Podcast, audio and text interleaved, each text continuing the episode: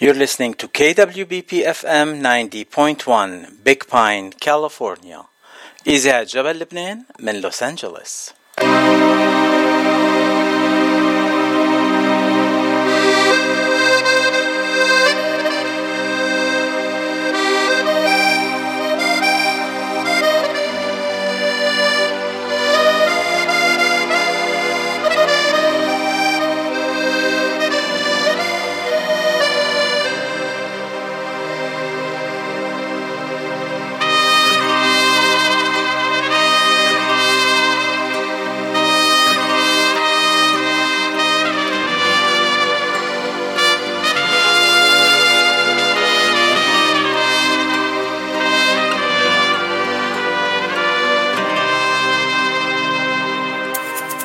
أهلا وسهلا بكل مستمعين إذاعة جبل لبنان وين ما كنتوا بجميع أنحاء العالم.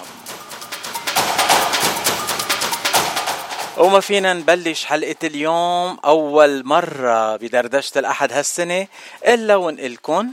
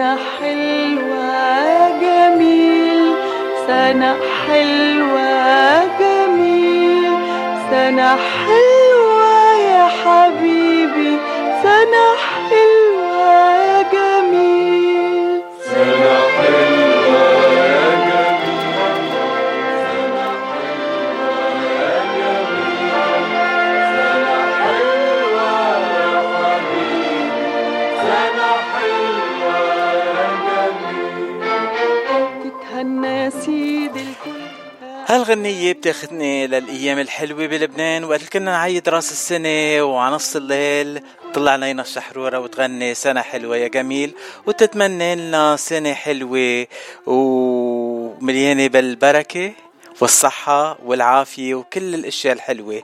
وهالمرة كمان أنا رح أتمنى لكم بدورة سنة مليانة خير وبركة صحة أهم شي وكمان فرح وحب.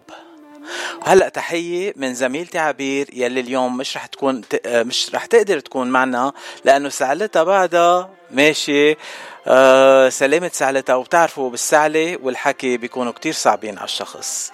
نسمع تسجيل صغير بعثت لنا إياه وبنشكرها على التسجيل الحلو. لكل أعزائنا المستمعين خاصة مستمعي برنامج دردشة الأحد أنا عبير وبدي أتمنى لكم Happy New Year إن شاء الله يا رب عام سعيد جديد مليء بالصحة وبالبحبوحة وراحة البال والكتير الكتير الكتير من الإيمان. كلنا بحاجة لبكرة أحلى. Happy New Year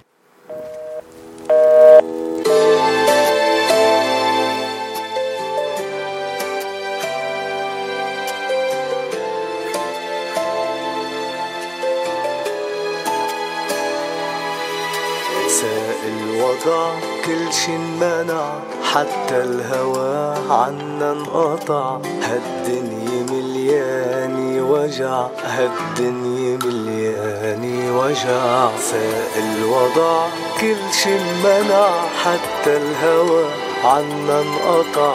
هالدنيا مليانة وجع يا رب ساعدنا. وقع علينا وانفرد لف الدنيا طول وعرض مرض هاجم هالأرض عن بعد فرقنا. بكرة أحلى بده يكون رح ترجع تحلى الأيام. والأشياء الصعبة بتهون وتتحقق كل الأحلام. الله بيساعدنا رغم غصتنا ووجعنا رجعنا مع بعض تجمعنا والعيلة صار إلها معنا وتجمعوا الكل. الليالي رجعت تتحلى وتلاقت العيلة كلها وصارت تصلي لله ولازم هيك واقع علينا وانفرد مرض هاجم هالأرض عن بعض فرقنا.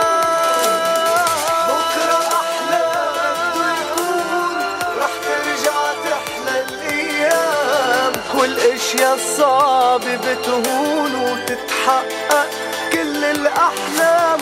الله بيساعدنا.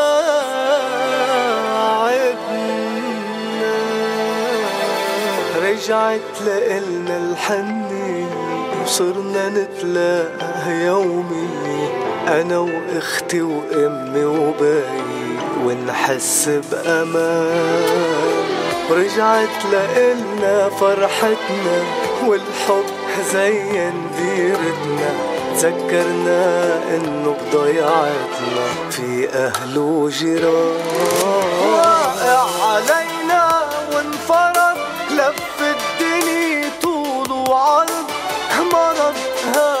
هاجم هالأرض عن بعض فرقنا. بكرة أحلى بده يكون ترجع تحلى والاشياء الصعبة بتهون وتتحقق كل الأحلام. والله بيساعدنا.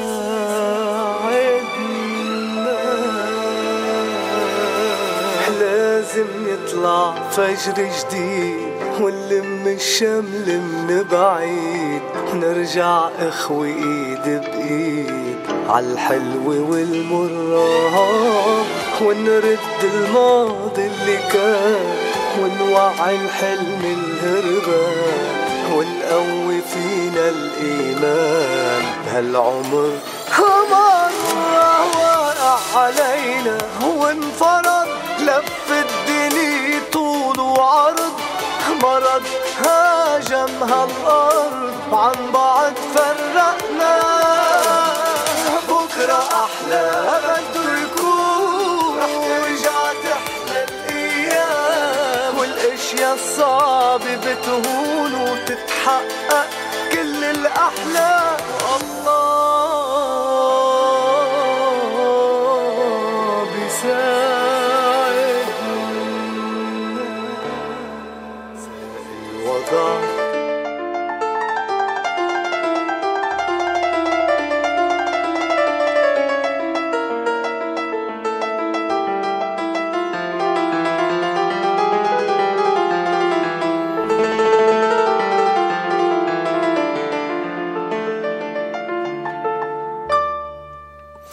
سلمنا عليكم وعيدناكم وهلا بتشي رح يخبركم شو عندكم اليوم أو شو عنا اليوم لإلكم بدردشة الأحد.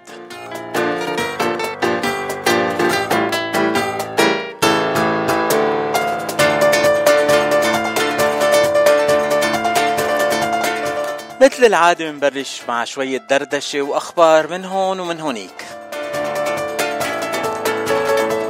بعد 21 دقيقة رح نكون مع ضيفتنا لليوم برنادات حديب.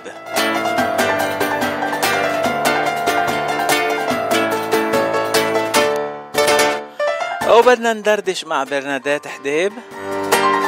وبعدها موعدكم مع حلقة خاصة من الأبراج. واليوم بدل ما أنا أقرأ لكم الأبراج رح تسمعوا الأبراج من علمة الفلك.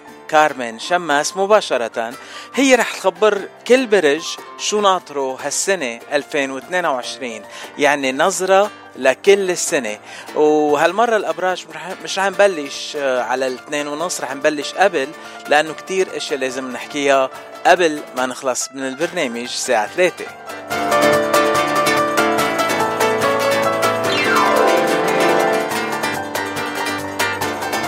أطيب الأوقات بنتمناها لكل مستمعين. إذاعة جبل لبنان وين ما كنتوا عم تسمعونا.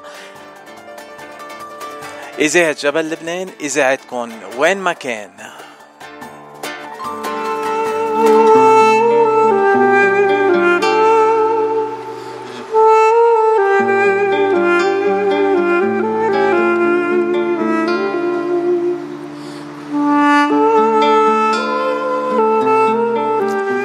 عادة بحب بلش السنة بالإيجابية والفرح. إنما اليوم جاي لكم لأنه في صديق عزيز للإذاعة والدته بالمستشفى. صديق عزيز بلبنان والدة هالصديق العزيز للإذاعة بالمستشفى وهن بعازة لشوية مساعدات منها أكيد بتعرفوا إنه بلبنان آه، بسبب الدولة إيه نسميها الدولة ليش لا؟ الناس اللي عندهم مصاري بالبنك ما بيقدروا ياخدوها. الناس اللي عندهم آه، آه، مرضى الدولة ما بتنتبه لهم. والناس يلي بدهم مساعدة تيدفعوا للمستشفيات ما حدا بيساعدهم. وحتى المستشفيات ما بيقبلوا يساعدوا المرضى إلا بالمصاري.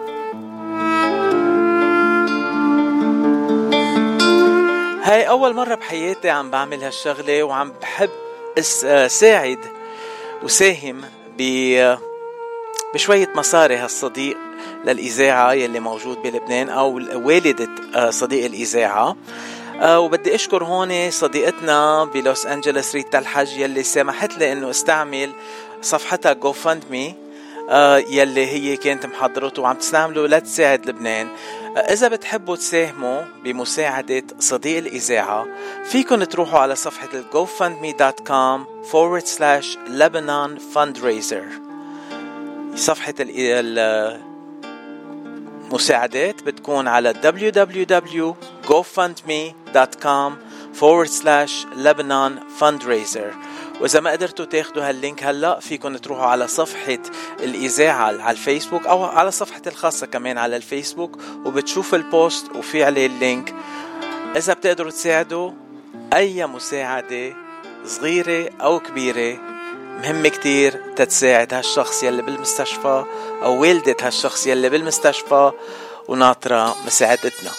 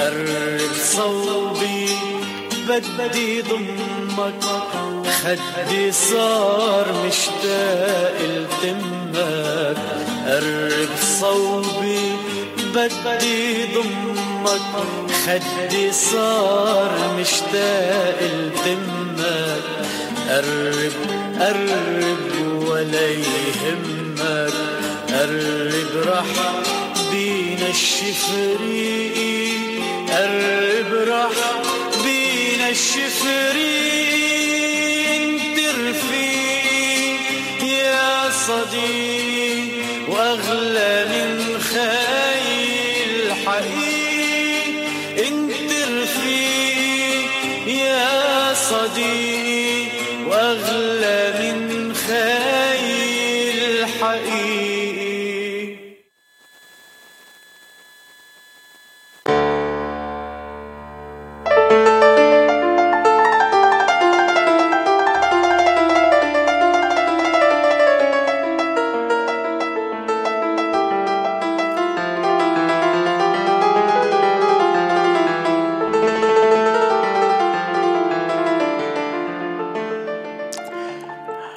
عادة بإذاعة جبل لبنان ما بنتطرق للفنانين الغير العرب.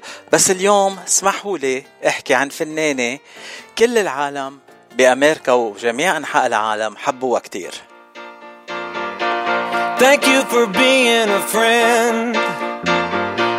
أكيد من الموسيقى عرفتوا أنه عم بحكي عن Betty White. Betty White هي اللي فارقتنا قبل بيومين بعمر ال 99 سنة يعني قبل ثلاث جماع من يصير عمرها 100 سنة. أه ماتت هي وكنايمة بفراشها بس باتي وايت من الأشخاص يلي كل العالم بيتذكروها وبيحبوها ما ما حدا بيقدر ينساها. عادة بس الممثل أو الممثلة بيفارقونا بعد التسعين أو خمسة وتسعين أو على التسعة وتسعين الناس بيسألوا ليه كانوا بعدهم طيبين؟ إنما بيتي وايت لآخر أيام حياتها كانت بعدها عيشة كل حياتها يعني. بعدها كانت عم تعمل تظهر على التلفزيون تعمل مقابلات وتحكي مع العالم وكانت على طول تنكت وتضحك العالم.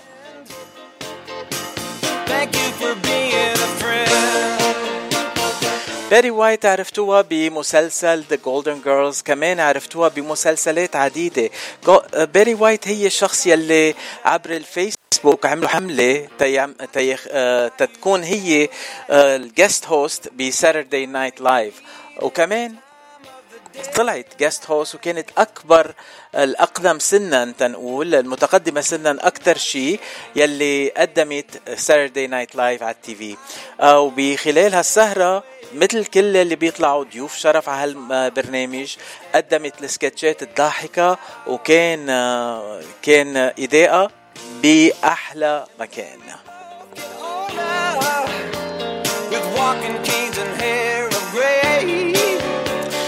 ولما قالوا لها إنه نحن جبناكي على Saturday Night Live لأنه أنت طلبوا منك ال fans تبعولك عبر الفيسبوك قالت شو الفيسبوك؟ قالوا لها فيسبوك كذا كذا تواصل اجتماعي.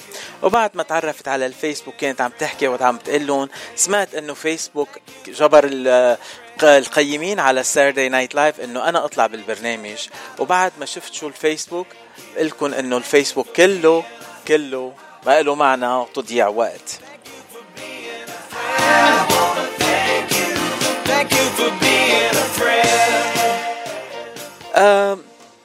باري وايت عاشت 99 سنة قربت على المية بس ما وصلت للمية وكانوا على طول يسألوها إذا هي خايفة من الموت كانت تقول لا مش خايفة ولا شوي بس روح بدي أرجع ألتقي بجوزي يلي كنت أحبه كتير يلي راح من عندي أكثر من 20 سنة. يعني شو هالحب؟ يلي ما بيموت. شو هالحب يلي بيضل بقلب الشخص؟ وشو هالطريقة يلي آه، بتشوف فيها الدنيا كلها؟ يعني عن جد عن جد. باري وايت عاشت حياتها. وهلأ صارت بدنيا الآخرة.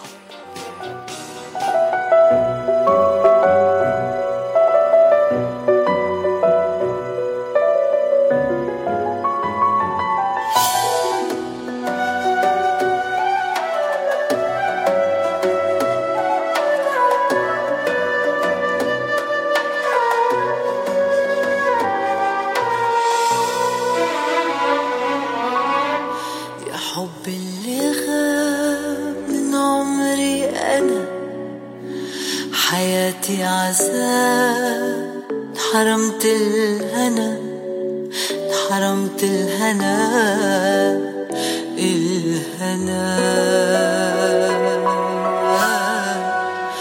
يا حبي اللي غاب من عمري أنا حياتي عذاب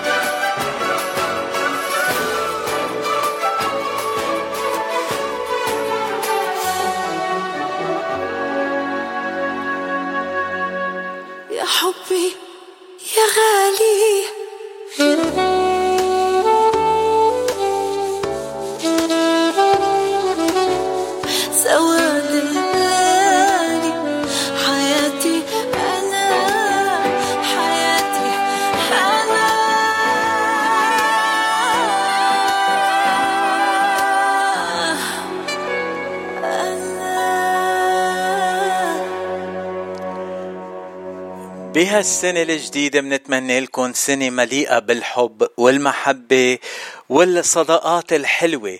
آه بعد سبع دقايق رح تكون معنا ضيفتنا وصديقتنا الجديدة برناديت حديب بحلقة حلوة كتير ودردشة ولا أحلى.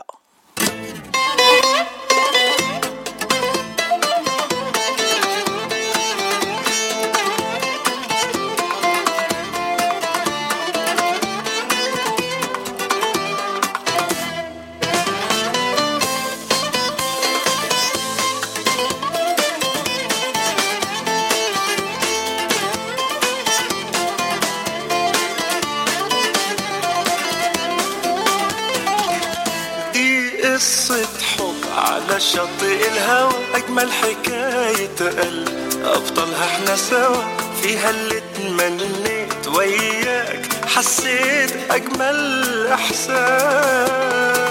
أحلى كلام بالعين قلنا لبعضنا ضحكة قلوبنا حنين.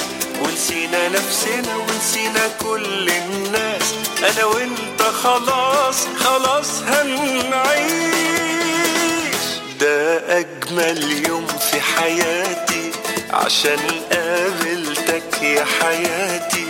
هفضل حبيبي معك والله ما سيبك. انت اللي بتسعد كل أوقاتي. ده أجمل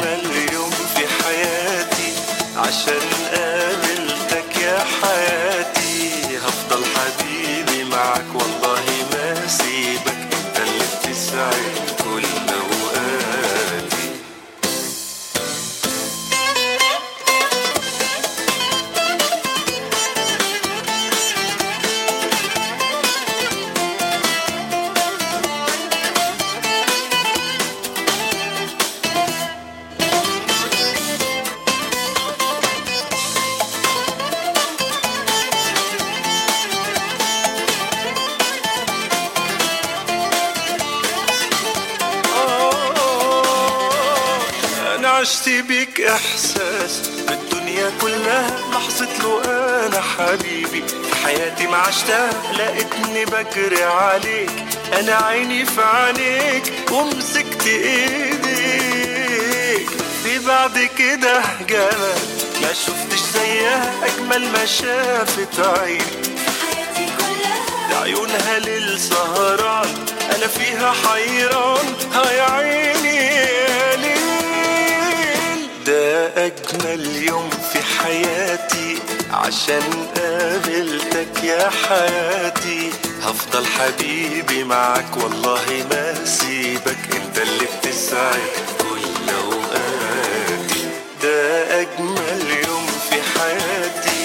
عشان قابلتك يا حياتي. هفضل حبيبي معاك والله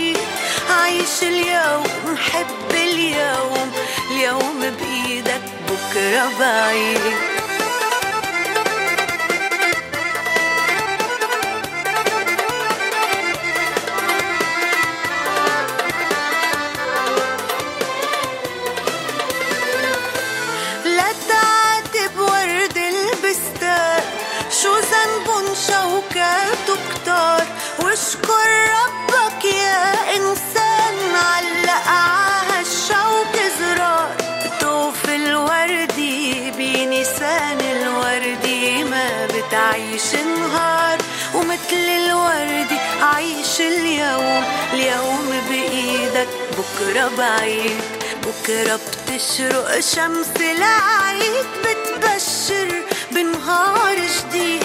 عيش اليوم حب اليوم. اليوم بإيدك بكرة بعيد. بكرة بتشرق شمس العيد بتبشر بنهار جديد. عيش اليوم حب اليوم. اليوم بإيدك بكرة بعيد. اليوم بإيدنا بس بكرة بعيد بس مش بعيد كتير لازم نحضر لبكرة ونكون حاضرين تننبسط بعيد بكرة You're listening to KWBP FM 90.1 Big Pine, California.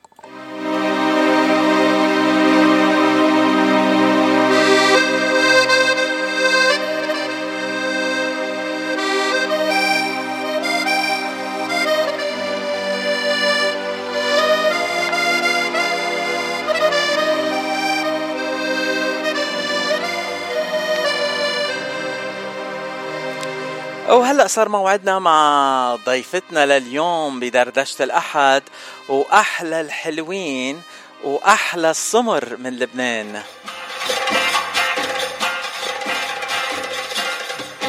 أنا بدي جرب ما أتغزل فيها كتير بس ما فيي. برناديت حديب شخصية بتفوت على القلب أول ما بتشوفوها على التلفزيون أو على السينما أو على المسرح لأنه هي بكل المجالات بتخوضها بتكون النجمة يلي بتسطع وبتفوت القلب دغري.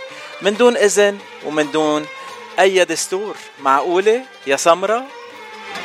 يا سمرة يا تمر هندي يا أطيب مشروب عندي. يا سمرة يا تمر هندي يا أطيب مشروب عندي. بقلها سقيني شوي. بتقلي ما عندي مي. كل ما بقلها بنغني كمان برنادات. هاي برنادات ما حلو بيهربوا المستمعين بيهربوا المستمعين ما تخليني غني. بس تشوفني هيك انطلقت بال بالأغاني فكتني دغري انتقل لموضوع آخر. وقف الغنية بأرضك دغري. أهلا وسهلا ببرنادات حديب برنادات. أهلا وسهلا فيكي عبر إذاعة جبل لبنان. Hi باتشي أنا كثير مبسوطة إنه اليوم هيك أول السنة وأول أحد بالسنه الجديده طالعه معكم على الهواء آه، مبسوطة كثير إنه إنه هيك عبر القارات يعني عم عم بحكي معك وعم بح عم بتوجه للمستمعين بأمريكا ب USA so عن جد it's pleasure thank you It's a pleasure to have you. وعلى فكرة برنادات اليوم زميلتي عبير مش رح تقدر تكون معنا وعم بتعتذر منك لأنه آه، ضربتها سعلة وبتعرفي السعلة والحكي على الراديو أصعب شيء بالحياة. لأنه مشان هيك قلنا لها خد الدي أوف ارتاحي. أنا عندي سمرة حلوة هون رح تسليني. شو قولك؟ إيه، سلام. أول شيء بدي أقول سلامة قلبها وإن شاء الله هيك بيكون عارض بسيط وبيقطع بسرعة. وطبعا ما بواخذها ابدا. وبعدين أنا وأنت منا قليل ولا شوي. آه برنادات أنا بعرفك آه، صار لي سنة هلأ تنقول لأنه تعرفت عليك السنة الماضية قبل جمعتين يعني. انت. انت شخصية فتي على قلبي وقت اللي شفتك أول شيء أنا شفتك بطالبين القرب على التلفزيون لمروان نجار أه بس انت بعتقد مبلشه قبل ما هيك؟ لك أنا أول شيء بالتلفزيون بلشت بحريف وظريف. كانت آخر حلقة من حريف وظريف كمان مع مروان نجار مع الله يرحمه ويليام حسواني. و... ومن بعدها عملت ثلاث حلقات بطالبين القرب. و... وكرت المسبحة. هلأ تلفزيون مش كتير كرت المسبحة بس إنه كرت المسبحة. يعني كرت المسبحة بكتير محلات. أنت هلأ عم نحكي عن التمثيل بس بس بنعرف إنه برنادات حديب مش بس ممثلة. هي يعني آه، مع حايزة على على الليسانس بالفنون التشكيلية بامتياز بس آه، ممثلة ومدربة تمثيل وكمان آه، راقصة ومدربة رقص. بتدربي رقص كمان آه، برنادات شو بتعلمي؟ علمت ليك أنا علمت آه، علمت رقص international dance بالجامعة اللبنانية بكلية التربية. أها. آه، voilà وباكثر شيء اشتغلت بالتعليم expression corporelle يعني تعبير جسماني كنت علم كمان بجامعة القديس يوسف ل آه، لل psychomotriciens اللي بي- بيشتغلوا مع ذوي الاحتياجات الخاصة. و... وعلمت ذوي الاحتياجات الخاصة مش علمتهم اشتغلت أنا وياهم مسرح مسرحيات عملنا آه، بمؤسسة ليلي شويري آه، بالكفاءات أه هيدا موضوع بدي احكيكي عنه لأنه كنا عم نتواصل أنا وياكي وكنت مشغولة بهل ب بوحدة البروجيات مع ذوي الاحتياجات الخاصة بالاحتياجات ال... Am I saying it correctly? كتير. هل عربيتي راحت ذ- مع بالمرة؟ ذوي الهمم. فيك تقول مع ذوي الهمم. إيه. إذا بدك. okay. أسهل. طيب. آه بس آه أنت رحتي I mean كنت عم بتساعديهم بالبقاع بعتقد وكان عندك workshops وشغل معهم. شو بتخبرينا عنها؟ لا هو صار ليك صراحة اللي بالبقاع ما كان مع ذوي الهمم. آه كان مع آه مع لاجئين مع يعني مجموعات مجموعات من اللاجئين السوريين والشباب اللبنانية. اعمارهم تتراوح بين ال 13 سنة وال 17 سنة. كنا عم نشتغل على thème اللي هو آه، العودة إلى المنزل. بنحكي عن أحلامهم عن مأساتهم عن حياتهم اليومية اللي عم بيعيشوها بنعمل workshop من خلاله ورشة كتابة تقريبا للأفكار اللي عم يعملوها improvisation وتصوير لأفلام قصيرة جدا. أه، كل حدا بيكون هو عم بخبر فيها عن أشياء هواجس أو أحلام أو أفكار عباله يطرحها يحكي عنها يطلعها أه، مكبوتة جواته. فهيدا كان ال workshop اللي كنت عم اشتغل عليه بالبقاع يعني هدول العالم يلي كانوا برات بلادهم تنقول هلأ هن برات بلادهم وعم بتأهليهن تيرجعوا على بلادهم. يعني إذا شي نهار أنا صحيح. بدي أرجع على لبنان تيجي بتعملي لي workshop قبل ما أرجع على لبنان أنا؟ آه إيه بعت لي ticket طيارة. وأنا بكون عندك بكرة. آه إذا الفيزا أهم شيء الفيزا. يا بس إيه التيكت التيكت الطيارة أهين شيء الفيزا أصعب من هيك بكتير. ما هيك إيه ticket الطيارة بيتدبر مشي مشي هيدا بس يعني يعني أنت بس هلأ تنرجع شوي على الفنون التشكيلية والرقص. أه، شفناكي بتمثلي وشفناكي بترقصي بس كمان هون عم شوف على ال profile تبعك إنه martial أه، arts يعني لازم خاف أيوة. منك؟ باكل قتلة دغري؟ إيه لك هلا أنت ما حتطعميك قتلة أنت بحبك. بس ما تغلط. لا أنا بلشت من أنا وصغير يعني من أيام المدرسة بلشت ب... يعني أنا وأخواتي كنا فتنا تعلمنا كاراتيه وتعلمنا كيوكوشينكاي وبعدين شتوريو كاراتيه ومعي حزام أسود أول دان. بعدين آه، فتنا على نادي الصحة والقوة اللي هو كان للبطل الدولي آه، منير آه، ليك عم بنسى عم بنسى فيه محمد المولى اللي عمل فيلم البطل عودة البطل إذا أه. بتتذكر. آه فتنا على النادي وعملنا أو عملت رفع أثقال وأخذت بطولة لبنان برفع الأثقال لفئة لفئة عمري اللي كان وقتها عمري 13 سنة 14 سنة. ومن بعدها آه، انتقلت يعني دغري من الفنون القتالية والمارشال ارتس انتقلت للرقص. هلأ بعدين على كبر وقتها فتت على الجامعة وبلشت بالمسرح. آه، صار كمان في عندي هاجس إنه لازم الفنان يشتغل على حاله يشتغل على صوته يشتغل على جسمه. فصرت آخذ workshops بالرقص العالمي مثل مثلا رقص البوتو الياباني مثل الباليه. آه، وكمان فنون قتالية اللي هو بالسكينة بالسيف كيف الواحد يقدر يدافع عن حاله. بحال مثلا احتاج بمشهد تمثيلي إنه يكون في شيء له خاص بالعاب القوى أو بالدفاع عن النفس. يكون عندي هيدا المؤهل إنه أقدر إني أقوم بالدور على أكمل وجه ممكن. فمن هون يعني تطورت القصص معي. يعني لازم لازم عن جد كل العالم يخافوا منك عن جد. لا هو مش قصة تخاف مني قصة هو ال martial arts هو discipline أكثر يعني هو هو هو أكثر دفاع عن النفس وهو احترام للآخر واحترام للذات آه، هو أكثر سبيريتويال يعني بتروح فيه بالتفكير بالعمق بالروحانيات بتطلع من القصص الجسدية والقصص البايخة اللي هو إنه إنه أنا بعبع أنا عاملة هيك فخاف مني لا هو أكثر بيعلمك على التواصل التواضع على احتواء الآخر تقبل الآخر أكثر من أي شيء ثاني هلا عم بحكي أنا يعني ما بعرف كيف بيقولوا يعني ما بدي أتفلسف كثير بس إنه هو ال martial art هيدا أهميته إنه بخليك down to earth أكثر من أي شيء ثاني هي ال martial arts more philosophy than fighting يعني هيدي بعرفها يعني هلا عم بمزح معك بس لأنه كنت بدي أحط لك هالغنية. حتسلي تحبيني والله لا خلي عيني ما تعود تشوف. وإذا أنت فليتي يعني انخرب بيتي. وشو بعمل بحالي مش معروف. أنت خلقتي لقلبي ليه مطرحك جواته. كلمة منك بيعيش كلمة بتنهي حياته.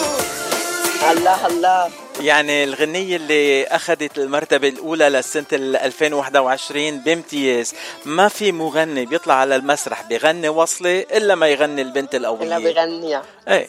هلأ تنرجع للبنت القوية. كلمة منك تقتل الكل. بدي أرجع للكلام شوي. نحن بنعرف إنه أنت بتعرفي اللغات العربية والفرنسية والإنجليزية وبلبل فيهم كلهم. هلا بدي روح أنا يعني شوي مش كتير. مش كتير ما ما بشد إيدي يعني. يعني. يعني. إيه لا هلا بس قول لشوف هيك لنشوف. لوين بدك توصل؟ لوين بدي أوصل؟ بدي أوصل لسندس ما فهمت ولا كلمة بكل البرنامج منك. ليش؟ ليش يا بعد قلبي؟ ليش؟ شنو تبي تفهم؟ شنو تبي أقول لك؟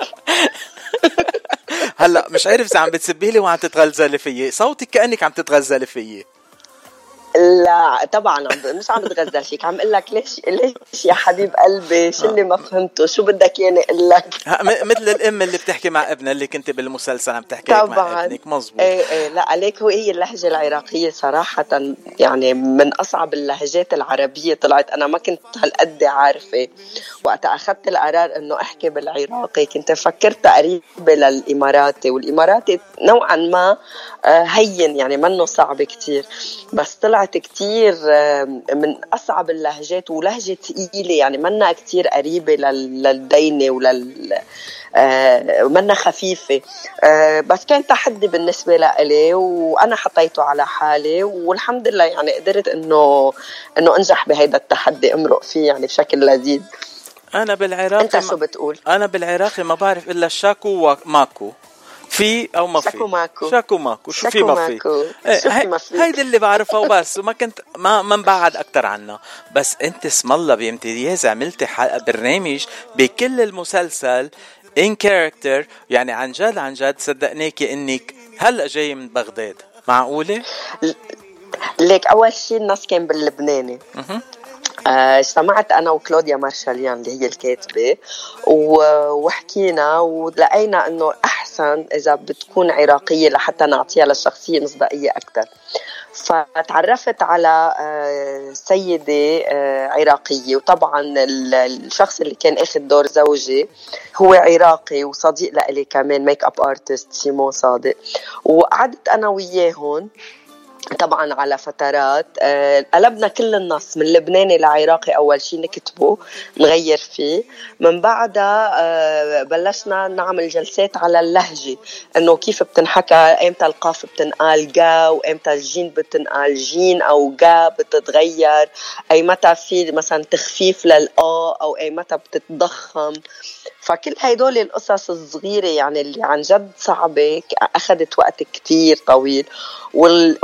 والتحدي الأكبر إنه بالتصوير ما كان في معي حدا يساعدني. يعني كان حتى إذا بغلط إنه مشكلة لأنه ما في حدا يقول لك إنه لأ هون عم بتقول مش عم تقول مزبوط عم تغلط. فكان كتير دقيق الموضوع وعن جد كان كتير صعب.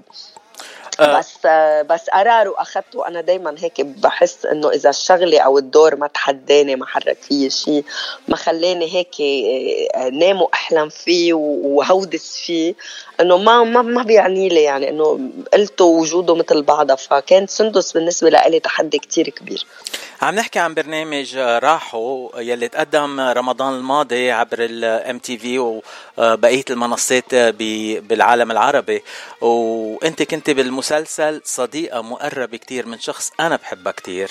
بريجيت ياغي وكانت ضيفتنا قلبي. قبل أو بريجيت آه قبل كم بريجيت مزبوط آه بريجيت ياغي من أطيب القلوب من العالم. هلأ كمان تحية لبريجيت وتحية كمان مش رح ننسى كلوديا مارشاليان يلي كانت ضيفتنا قبل قبل كم شهر كمان. آه كلوديا مارشاليان من الأشخاص يلي بس يكتبوا مسلسل بيركبوه بطريقة يعني أكيد بتتصدق لأنه أول ما سمعنا المسلسل أنا خمنته أنه رح يكون خبرية القواص يلي صار بتركيا وكيف ال- العالم يلي كانوا بل- من لبنان وتقوصوا هنيك أو كان عندهم أشخاص تقوصوا تعذبوا لا طلعت القصة غير شيء بالمرة كليا غير شيء و- لا ليك كلوديا كتاباتها عميقة. بعدين يعني براحوا بتحس إنه كل بيت كل عائلة كل كابل عندهم مشاكلهم وعندهم آه عندهم هواجسهم وعندهم الحب والكره وال والعقدة الخاصة فيها. وتجميعة هيدي القصص عملت راحوا وعن جد كل قصة حقيقية وبتفوت لكل بيت وبتمس كل بيت أكثر من قصة تانية. فهيدا الحلو بكتابات كلوديا. يعني مع إنه يعني الست رندا كعدة لعبت الدور بطريقة كتير حلوة أنا بعرف هلا الست رندا كعدة ما في أطيب من قلبها. يعني ما ما ما بقدر صدق إنه تكون هيك شريرة بالمسلسل. وبديع أبو شقرة. معقولة؟ ماشي الحال. يعني بس انبسطنا بهالمسلسل كتير. وسندس كل العالم بيتذكروها أكثر بعتقد أكثر من كل الكاركترات يلي كانوا بالمسلسل. آه هي مش أول مرة كنت أنت مع الست رندا كعدي بمسلسل. بتذكرك كمان شفتك بمسلسل وانغرمت فيكي على الآخر وقت لعبتي دور مرته لعلم نايمنه وست رندا كعدي بدل عن ضايع. بدل عن ضايع؟ حماتي. حماتك؟ شو هالحما هاي؟ شو هالحما هاي؟ غير شكل غير شكل. لا رندا غير إنه هي ممثلة بتاخذ العقل. آه، هي صديقة كتير لذيذة حدا إنسان يعني كتير بالحياة حدا إنسان راقي جدا ورائع. وأنا كتير كان لي الشرف إني أشتغل معها هلأ للأسف براحوا ما كان في هالتقاطع بالشخصيات بين شخصيتي وشخصيتها. يمكن شفنا بعد مرة بال... بس بدون ما نكون مع بعض بنفس السين. مزبوط. إيه بس مثلا ببدل عن ضايع يعني كنا عم نقضي وقت بخبرك ولا أحلى من هيك ولا يعني آه، برات التصوير وجوات التصوير كنا عم نتسلى مع بعض بشكل ما بينوصف. آه على فكرة بس لك إنه ست رندا كادي وقت اللي كانت معنا ما كنت عم بعرف أحكي أنا كنت مضيع كليا. هلأ شادت حالي لأنه ما في عبير شادت حالي ولازم أحكي ما في ما أحكي اليوم.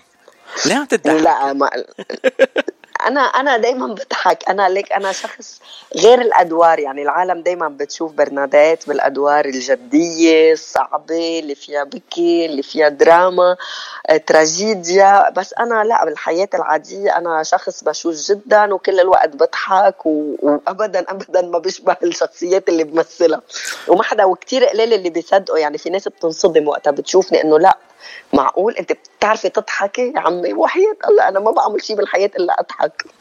أنا أنا عرفت هاي القصة منك وإنه بتحبي تضحكي كثير هلأ تنرجع لبدايات برنادات. برنادات أي سنة أنت بلشتي على المزبوط يعني؟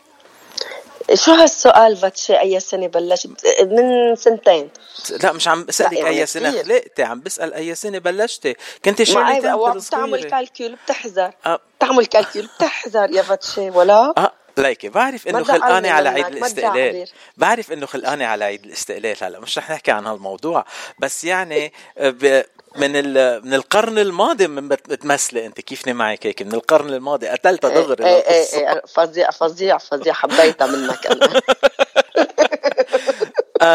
برناديت لا يعني بس هلا عادة بس يشوفوا ممثلة مثلت كذا سنة بيقولوا لها الممثلة إيه. المخضرمة أو ضيفة الشرف وما بعرف شو. إيه هدول يعني برنادات حديب هي الفنانة يلي بتفوت على القلب أنا هيك بحكي عنها. هي اللي بنحبها من أول من أول كادر بنشوفها بأي مسلسل أو فيلم. هي هيك بدي أقدمها بس في خبرة في شغل اشتغلت كتير على حالك وتتوصل إلى هالمستوى تنقول. أه مزبوط ولا كلهم بالفطرة هيك؟ الله خلقك هيك. لا لك بدي أقول لك شيء إذا بدنا نحكي كتمثيل التمثيل اولا وأخيرا موهبة. هذا واحد. حتى لو الواحد فات درس مش أربع سنين معهد فنون لو درس عشر سنين معهد فنون وما عنده موهبة ما ممكن يكون ممثل جيد.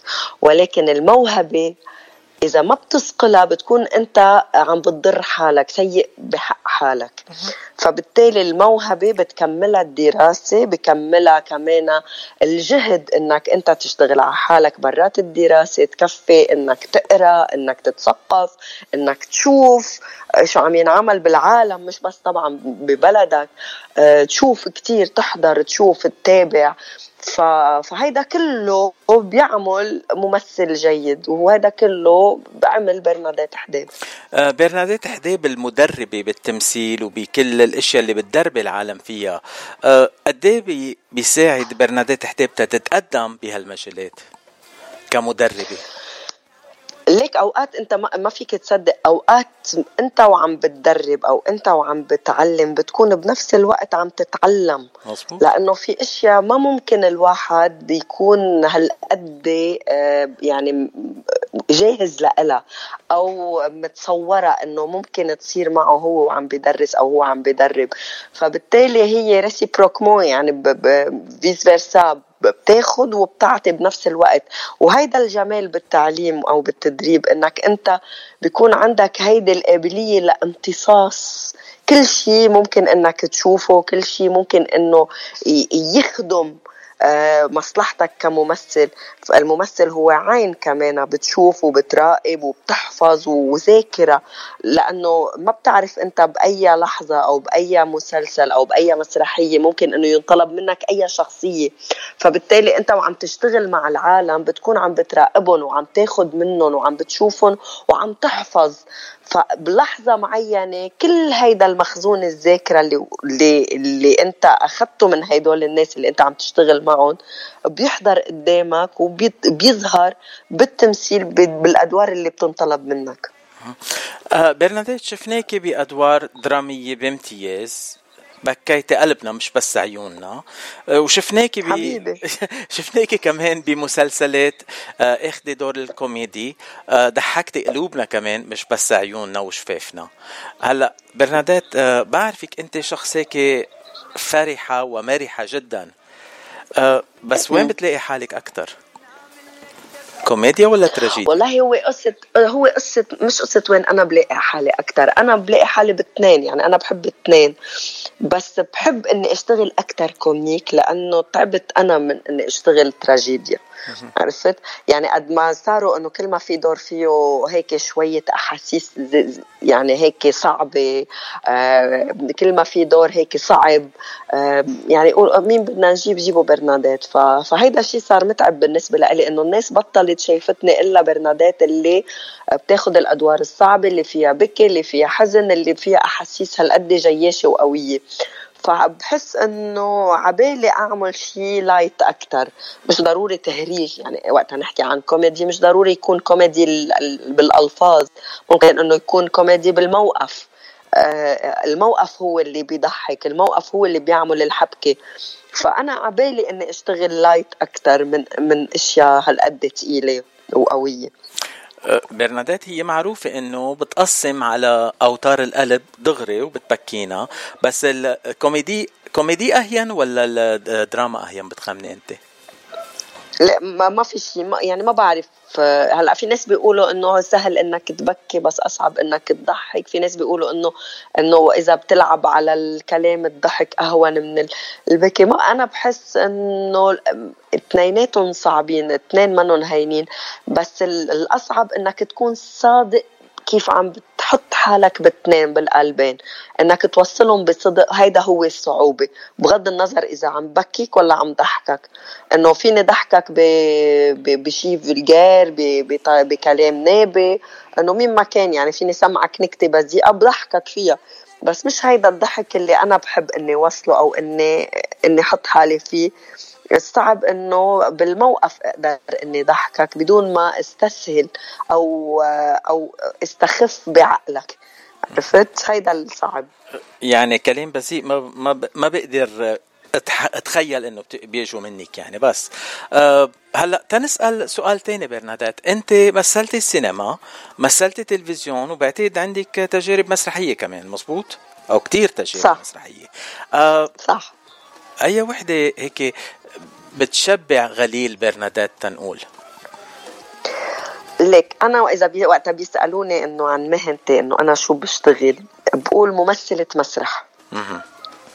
يعني هيدا التعريف أنا بعرف عن حالي كممثلة وقت بقول أنا ممثلة بقول أنا ممثلة مسرح.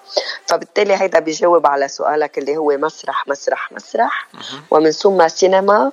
وآخر شيء بعتبر حالي ضيفة على التلفزيون مشان هيك كتير إطلالاتي قليلة على التلفزيون. ولكن مسرحيا أنا بعتبر إنه المسرح هو ملعبي الأول. المسرح عادة وقت اللي بتكوني مع هال آه، تنقول المشاهدين مباشرة وجها لوجه وعندك هل تنقول التفاعل معهم أكيد بيساعد أي. الممثل تيعطي أكتر بس آه، في كتير ناس ما بيقدروا يمثلوا على المسرح بتقنية كتير حلوة لأنه المسرح بيتطلب أكتر من الشغل من التلفزيون والسينما وأنت صحيح. أنت بارعة بكل الأنحاء هلأ آه عن الرقص آه بعرف بتدربي رقص وبعرف آه، بترقصي بس. آه، بترقصي على يعني آه، في شيء هيك projet تعملي تجيبي التمثيل والرقص ب- بشي مسلسل أو فيلم سوا؟ ليك يا ريت. هلا أنا عبالي حلمي إني أعمل فوازير صراحة يعني ولكن بعد ما انطرح علي هيدا الموضوع. بس أنا بالزمانات مش يعني تقريبا أكثر من عشر سنين عملت مسلسل للأطفال اسمه جلا جلا. للجزيرة أطفال. ال- المسلسل كان 30 حلقة وكنت عاملة فيه آه، دور آه، ساحرة اسمها عجيبة. آه، وهيدي الساحرة بتجمع ال- الأولاد بالساحة وبتعمل سحر. وولاد بيتحدوها إنه أنت هذا السحر له آه، في له آه، طريقة علمية ونحن حنثبت إنه أنت منك ساحرة مزبوطة إنه هيدا الشيء ممكن إنه نكتشفه بالمختبر. وبهيدا المسلسل كان بكل حلقة في عندي فقرة فيها يا أما برقص يا أما بعمل ألعاب بهلوانية يا أما فهيدا الشيء يعني يا ريت أقدر أرجع أعمل نفس هيدي التجربة؟ لأنه كانت تجربة كتير غنية وكانت تجربة كتير حلوة. والمسلسل تصور بمصر ومع طبعا ممثلين مصريين بحبهم كتير. ف...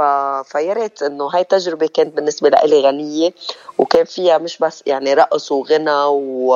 وسحر وأكروباسي وألعاب خفة فهيدا الشيء كتير حلو. واو آه حكيتي عن الفوازير آه بفوازير لازم نغني كمان ما هيك برنادات؟ إيه يعني وقتها بت واحد يعني هلأ بغني صح بس صوتي مش حلو ممكن إنه ينشغل على الموضوع. يعني هلأ مع المكانات الموجودة ما ما كان صار عم بغني. هلأ إذا كان ال- هلأ مش عم بطرح نفسي كمطربة بس إنه إذا كان لازم إني غني بشي دور تمثيلي إنه فينا نستعمل مكانات. ماشي الحال. إذا بدنا نستعمل مكانات أنا رح أعمل دوات معك خلص. بلغي كل مواعيدي وبعمل الدوات لا، معك. بيسامحنا الجمهور يلا أنا وياك. بلغي كل مواعيدي مواعيدي. هو بدك غني أنا يعني يلا؟ أنت ب... إيه وقت اللي أنت بتريدي بتريدي أيوه. لا ملحم الموسيقار ملحم بركات وأنا لا الله يخليك. بقى المستمعين عن جد بيسكروا الاذاعه وبيفلوا بيروحوا على البيت. ما حدا بيسمعنا لا لا ما بدنا نوصل لهون. هلا برناديت تحكينا عن الأشياء اللي بتحبي تعمليهم والأشياء اللي عملتيهم هلا عن شو عن شو عم تشتغل برناديت شو محضرت لنا بالموسم الجديد بالسنة الجديدة وبرمضان اللي جاي؟ آم، آه، صراحة عندي مسلسل طبعا ضيفة أنا عليه. آه، مفروض إنه إذا الله راد ب 20 الشهر بلش تصوير. ما بقدر أحكي ولا شيء عن تفاصيله لأنه هيدا الشيء ماضيته بالكونترا ممنوع نجيب سيرة ونحكي عنه. بس المسلسل حيتصور مش بلبنان. أها. وأنا الوحيدة اللبنانية بالمسلسل. آه، okay.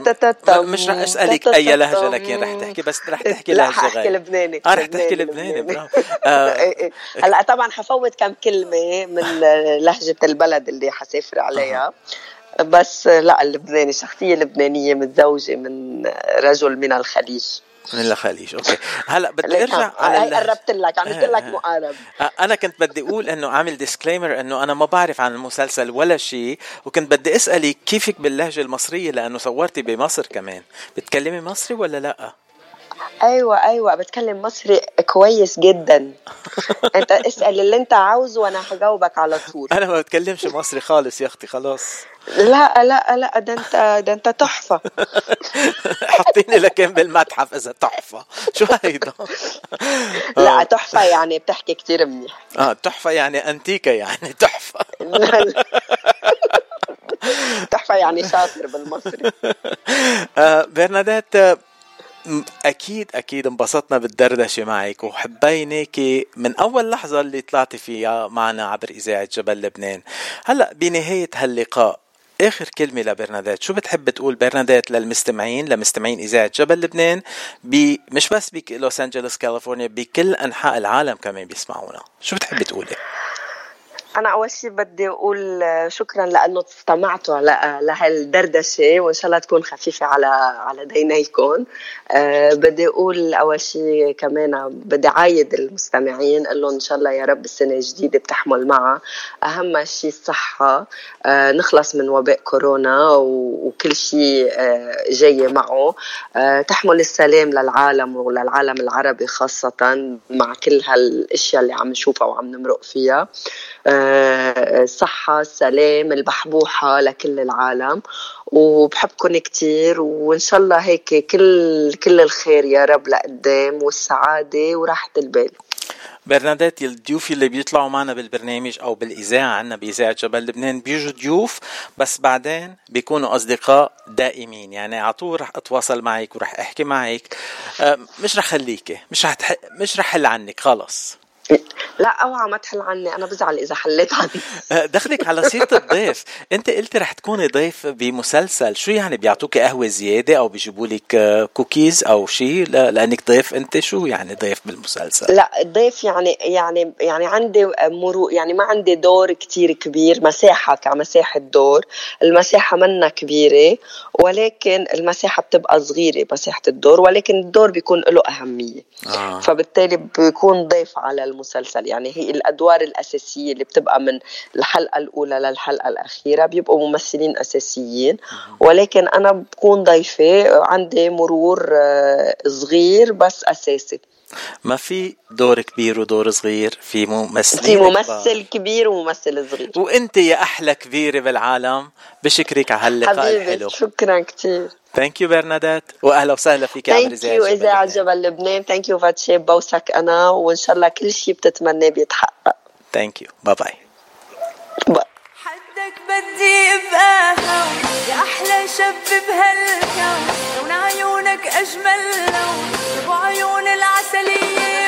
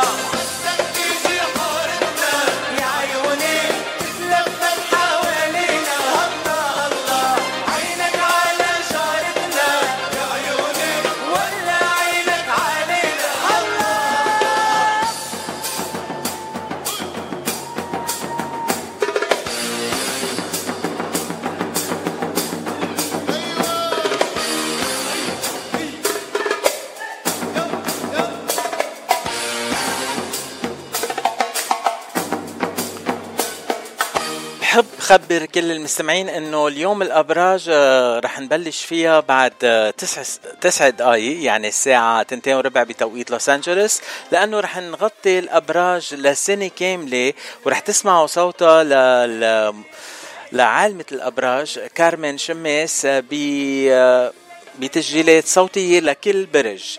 فاذا خليكن معنا على السماء بعد تسع دقائق موعدكم مع الأبراج. أو هلا على سيرة اللهجة العراقية غنية باللهجة العراقية ليارا انت انسان غير الناس كلها؟ معزتك ماكو بالدنيا مثلها. أنا وياك عايش أحلى أيام. أحس بالدنيا مو عايش قبلها. انت انسان غير الناس كلها؟ معزتك ماكو بالدنيا مثلها. هاني وياك عايش أحلى أيام. أحس بالدنيا مو عايش قبلها.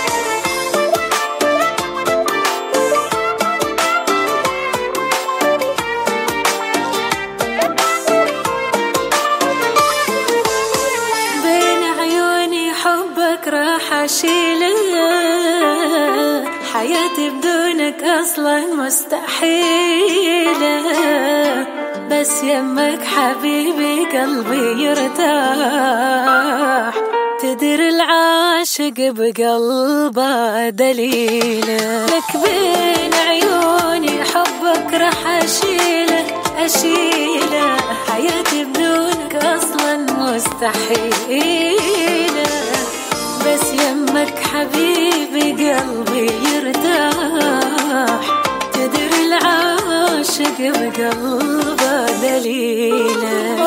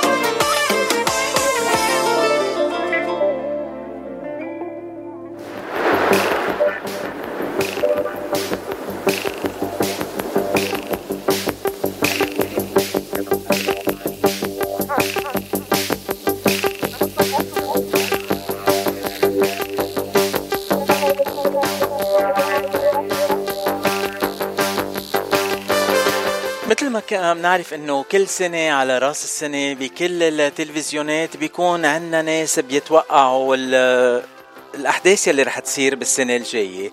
من الأشخاص يلي مشهورين أكتر شيء هو التوقعات توقعات وبتوقعاته مشهور أكتر شيء هو ميشيل حايك. وتواصلنا مع ميشيل حايك هالأسبوع وأعطينا الإذن الخاص إنه نستذكر بعد من التوقعات يلي قدمها لسنة 2022 على أمل أنه قريبا يكون ضيفنا عبر إذاعة جبل لبنان لأنه مثل ما خبرنا أنه بكانون الثاني رح يكون بلوس أنجلوس. لا هيدا مش توقع مني هو اللي خبرني هيك. بعد التوقعات من ميشيل حايك إنه رح يكون في آه انتخابات نيابية بلبنان ورح يكون في رئيس جديد للجمهورية بلبنان. هلا مثل ما بنعرف ميشيل حايك عادة بيقول إنه التوقعات ومش بس للسنة وحدة لسنة سنة ونص أوقات سنتين. يعني البرلمان الجديد بلبنان النواب الجداد والرئيس الجمهورية يمكن يتأخروا شوي. ومن التوقعات عن الرئاسة الرئيس ميشيل عون رح يغادر قصر بعبدة بنفس الطريقة اللي غادر فيها الرئيس الأمريكي السابق دونالد ترامب. يعني مش عخاطره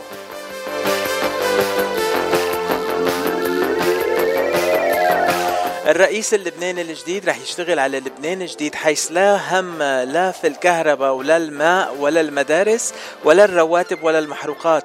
يعني معقولة ولا حلم؟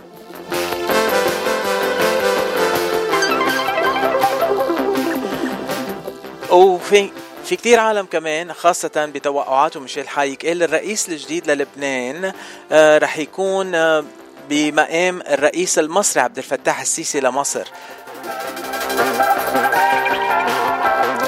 أما المجلس النيابي الجديد رح يكون مجلس لمرحلة انتقالية. الدولار رح يطلع ورح ينزل مش مثل اليويو هالمرة إنما بشكل رسور.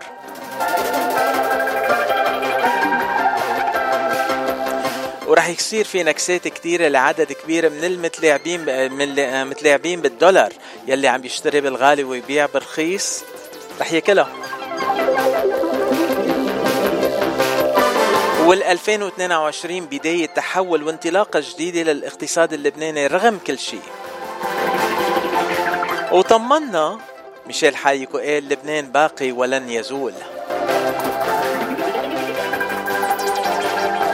وسحر لبنان رح يجذب كل يلي هاجروه مرة أخرى. يعني يمكن نرجع لبنان؟ وكمان توقع ميشيل حايك الإقامة الجبرية على عديد من الوجوه الشخصيات عدد كبير.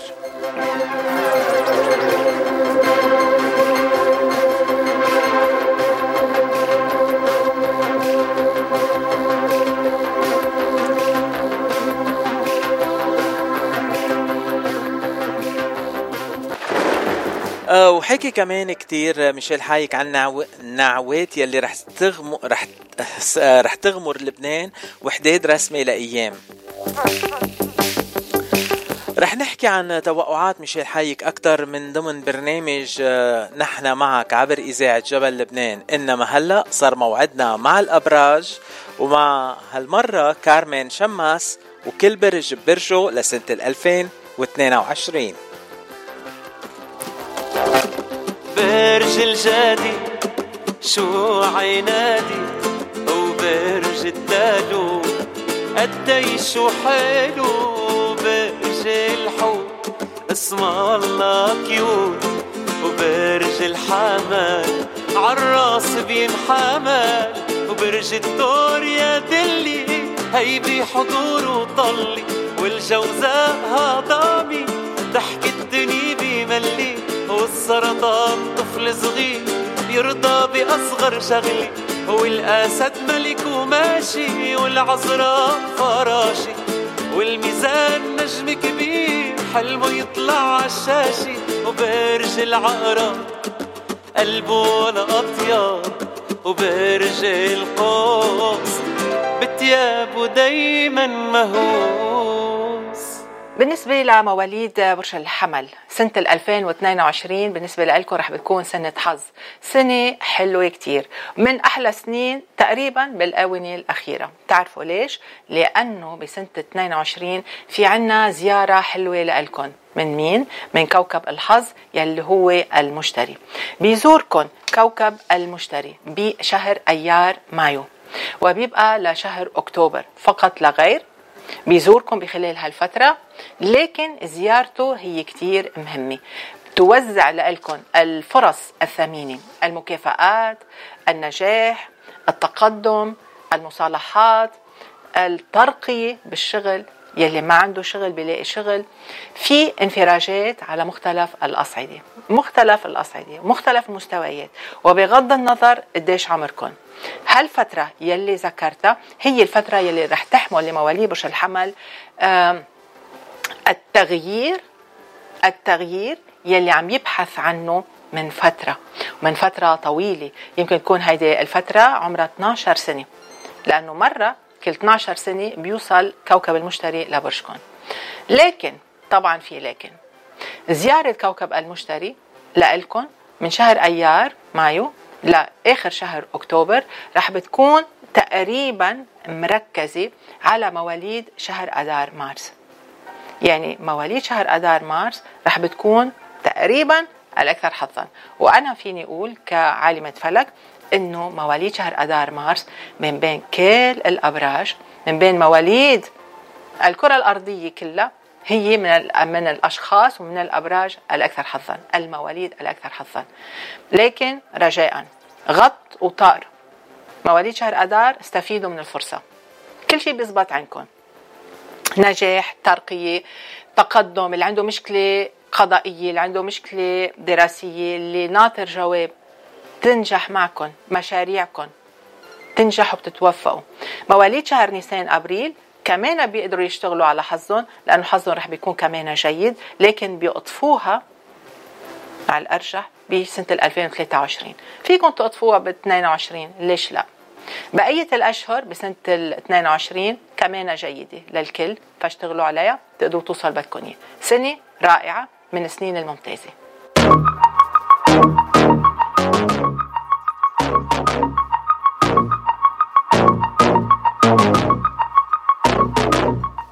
بالنسبة لمواليد برج الثور سنة 22 سنة جيدة لإلكم تقريبا كل شيء بيكون على ذوقكم طبعا كوكب أورانوس بعده مرافقكم كل مواليد برج الثور بيعرفوا يلي عم بيتابعوني بيعرفوا إنه كوكب أورانوس معهم صار له صار له سنين عم بوجع لهم راسهم. خاصة خاصة مواليد نيسان أبريل كان موجع لهم راسهم كثير حابة إنه الكم مواليد شهر نيسان أبريل لموالي برج الثور طبعا إنه ارتحتوا من تأثيرات كوكب اورانوس ارتحتوا. قلبت الدنيا فيكم حياتكم فوقاني تحتاني تغيرت.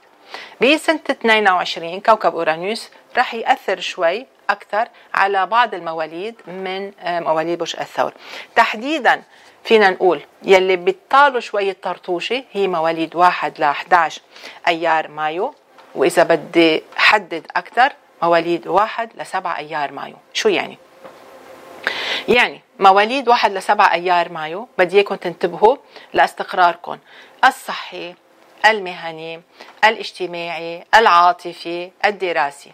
انتبهوا له بكل سنة ال 22 بقية مواليد برج الثور في عندكم طاقات حلوة توصلكم ترتاحوا تنبسطوا فيها آه، بتاخدوا نفس فيها. وبتقولوا خي بعدت عنا الظروف الصعبة. فإذا في انفراج عند مواليد برج الثور. في انفراج وفي طلات حلوة لإلكم وفي أمنيات بتتحقق عنكم لكن بدكم تدرسوها بدكم تفكروا لبعيد. مواليد برج الثور أصلا ما بيستعجلوا. بيمشوا على مهلهم منهم مستعجلين. كثير منيح. سنة 22 تعطيكم اللي بدكم إياه. لكن بدقة بدقة. في عندي حدثين لازم أذكرهم لمواليد برج الثور وهني. ب 30 نيسان أبريل تذكروا في عنا كسوف للشمس ببرجكم فالمواليد القريبة شوي من هذا الكسوف يعني اثنين قبل اثنين بعد بدهم ينتبهوا نتفة خلال السنة من تأثيرات الكسوف ينتبهوا لشغلهم لعملهم حياتهم الصحية العائلية كلها. عنا بشهر أكتوبر ب 25 أكتوبر كسوف ببرج العقرب مأميلكم يعني كل سنة مواليد برج الثور بدهم ينتبهوا على استقرار علاقاتهم المهنية الاجتماعية والعاطفية. طبعا مهنيا انتبهوا. تنتبهوا بيمشي الحال. ما بتنتبهوا بتغضوا النظر بدكم تبلشوا تقولوا يي ليش ما سمعنا لكارمن وانتبهنا. اذا فتحوا عيونكم منيح سنة بتنجحوا فيها بتنجحوا فيها بقوة. ورح بيكون في عندكم جهة كتير كبيرة داعمة لإلكم. يمكن يكون جهة ما لكم مفكرين فيها. يمكن يكون جهة أكاديمية. يمكن يكونوا مسؤولين عنكم بالشغل بيوقفوا إلى جانبكم. إيه فيكم تتقدموا وتغيروا بشغلكم؟ أكيد إذا أنتم بدكم.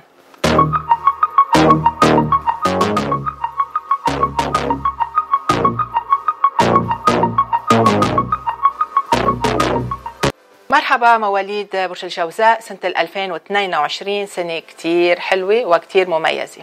سنة ال 21 كانت حلوة. 22 رح بتكون رزقتكم كبيرة. ويمكن تكون رزقتكم أكبر من الرزقة اللي حصلتوا عليها بسنة ال 21 سنة مميزة. تعرفوا ليه؟ لأنه كوكب المشتري. هو جالب الحظ الأكبر. رح بيكون موجود بأعلى نقطة عندكم بالدائرة الفلكية بالبيت العاشر أي في برج الحوت. يعني بدكم تحضروا حالكم. سنة ال 22 رح بيكون في مجال وفرصة وباب مفتوح قدامكم لحتى حياتكم المهنية أو الاجتماعية أو حياتكم العاطفية الدراسية شو ما كان تكون مسلط عليها الأضواء. لكن بطريقة حلوة. وكأنه مولود برج الجوزاء رح بيكون من المرشحين الأقوى لأي مركز. سنة ممتازة وإيجابية جدا واعدة بمختلف مختلف مختلف الأصعدة. وما تقولوا أنه سنتكم منا حلوة. سنة دسمة. سنة دسمة. نوعية الوقت بسنة 22 رائعة.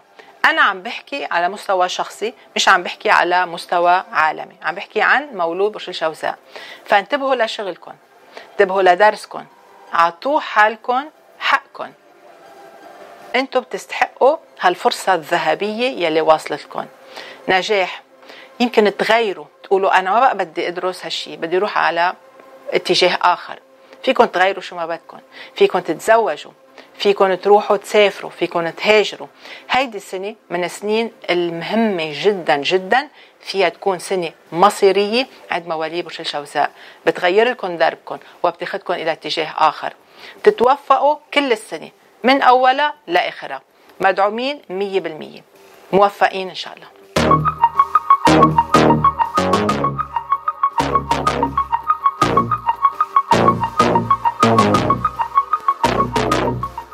مرحبا مواليد برج السرطان سنة 22 مفروض تكون سنة أفضل من سنة ال 21 كوكب المشتري يحامل لكم فرص حلوة كتير.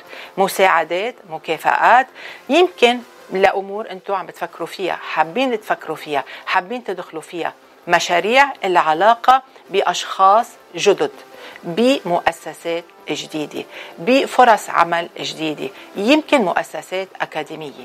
مواليد برج السرطان ما بتفرق أنتم لأي عشرية موجودين أو بتنتموا لأي عشرية ما بتفرق. عندكم سنة حلوة كتير مميزة جدا.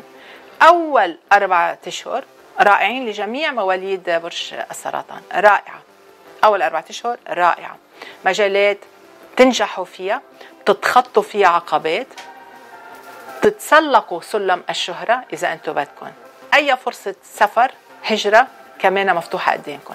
يلي ما سافر بحياته باب السفر كمان موجود. طبعا كلنا عم نفكر هالأيام بالسفر بالهجرة أو بالتغيير أو بالتنويع. حابين نجرب فرص جديدة. قد ما تعبنا بالعشرين سنة 19 2019 2020 وال 21 صح. سنة 22 هي فرصة هي سنة الفرص. والمكافآت والرزقة والانفراج والنجاحات. آخر شهرين بسنة 22 بيقدموا لمواليد 21 و 22 تموز يوليو فرصة إضافية للنجاح للتقدم وحتى لتخطي الصعوبات. فما تقولوا مواليد 21 و 22 إنه ما أخذتوا فرصتكم بأول السنة رح بتلاقوها. مش بس هيك. كوكب المشتري رح ينتقل بمنتصف السنة بين أيار وأكتوبر إلى النقطة الأعلى عندكم بالدائرة الفلكية. هيدي يعني بتصيروا أنتم من المشاهير إذا بدكم نجاحكم بيكون مدوي. كلها على بعضها سنة رائعة.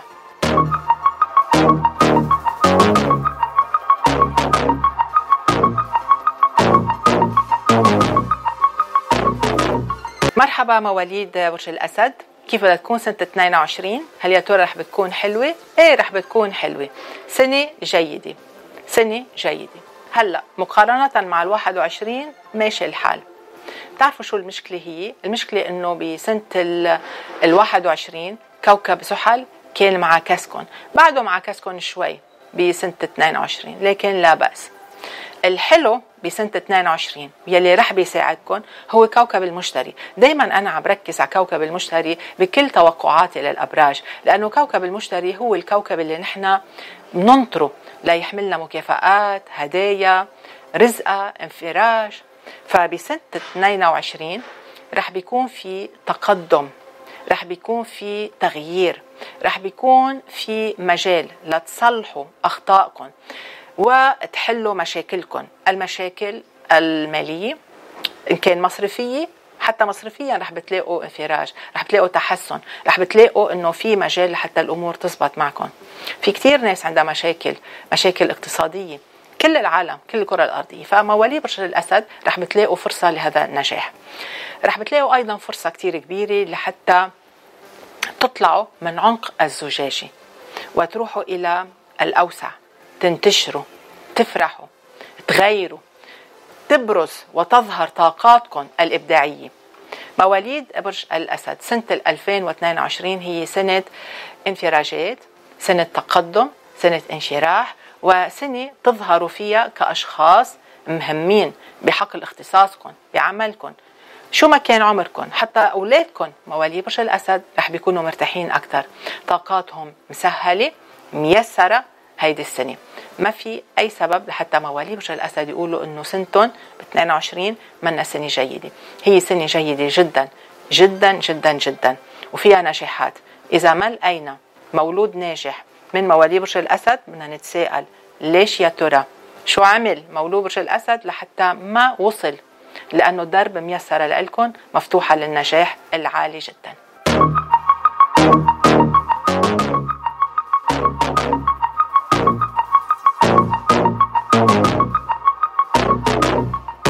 مرحبا مواليد برج العذراء. كيف بدها تكون سنة 22 سنة 22 هي سنة بكل معنى الكلمة سنة واعدة بارتباط. بارتباط. كلمة ارتباط لها معاني عديدة أو يمكن لها مفهوم مختلف عند كل شخص حسب عمره حسب عمله. المتزوج يمكن ما بيعني له طبعا الارتباط العاطفي لأنه اوريدي هو أو هي مرتبطة. لكن في يكون يمكن ارتباط مهني. عقد عمل. يمكن تقولوا لي طب أنا عندي عملي. أنا في عندي موظفة أو عندي عملي ماشي الحال. بقول إنه سنة 22 سنة تحمل لمواليد برج العذراء ارتباطات. شو ما بدكم يمكن يطلع لكم عقد عمل إضافي. يمكن يطلع لكم عقد عمل أهم من العمل اللي أنتم فيه.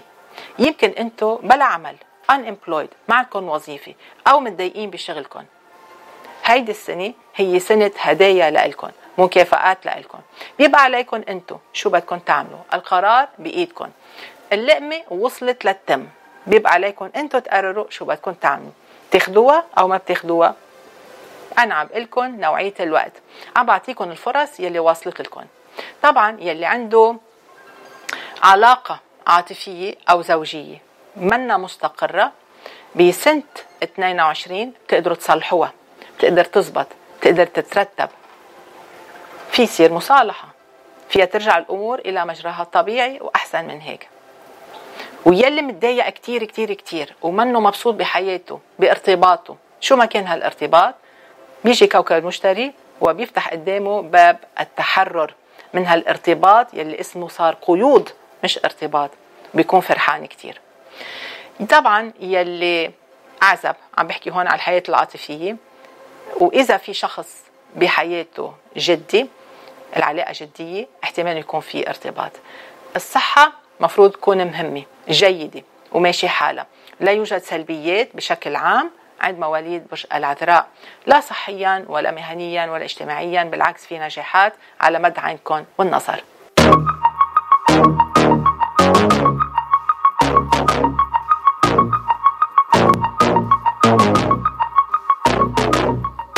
مرحبا مواليد برج الميزان. مواليد برج الميزان سنة 22 هي سنة دسمة. غنية غنية بالأمور المهنية. حتى شغلكم اليومي مطرح ما أنتم قاعدين. شغلكم اليومي رح بيكون غني. رح بيكون غني ودسم بالتغير وبالتنوع. ما رح تكون حياتكم بتزهق بسنة 22 هلأ مقارنة مع ال 21 أوكي 21 قدمت لكم كثير فرص. قوية جدا. يعني فينا نقول النجاح كان صعود صاروخي إلى القمة. طبعا هذا يلي استفاد منه واللي وظف الطاقات الفلكية يعني نوعية الوقت لمصلحته. 6 22 كمان سنة حلوة لأنه كل اللي عملتوه كل اللي زرعتوه بال 21 سوف يثمر بسنة 22 ب 23 كمان. سنه 22 هي سنة فرص للتنوع وللتطور بحياتكم بأسلوب حياتكم اليومي الصحي النظام الغذائي كله رح يتطور رح تغيروا كتير. ما بقى رح تعيشوا نفس السيستم. الناس رح تتفاجئ أهلكم رح يتفاجئوا اللي عايش معكم بالبيت رح يتفاجئ. كيف؟ شو صار؟ شو عدا ما بدا؟ مولود ومولودة برج الميزان هيدي سنة تغييرات حلوة. للأحلى للأقوى للأجمل للأريح. أنتوا رح ترتاحوا. يمكن في شغل جديد. عم بقول لكم من هلأ في شغل جديد. في حمية غذائية مختلفة. رح تشوفوا إنه أنتم رح تبحثوا عن راحتكم وعن صحتكم النفسية والمعنوية. بدكم ترتاحوا وبدكم تعيشوا مرتاحين. بدكم تبعدوا عن كل هالتعقيد بحياتكم بكرة بتشوفوا كيف حياتكم رح بتصير حلوة. اضافه إلى ذلك إنه سنة 22 رح بيكون في فرصة ثمينة جدا للارتباط خاصة عند مواليد شهر سبتمبر. فرصة للارتباط أو للتحرر من ارتباط ما طايقينه ما بدكم إياه. فرصة ثمينة جدا للدخول في معترك عمل مختلف. توصلكم فرصة ثمينة إذا أنتم بدكم بين 10 أيار وتقريبا 25 أكتوبر. تحديدا لمواليد شهر سبتمبر. كمان مواليد أكتوبر عندهم فرص رائعة بسنة 22 وتمتد لسنة 23 سنة كتير مهمة استفيدوا منها.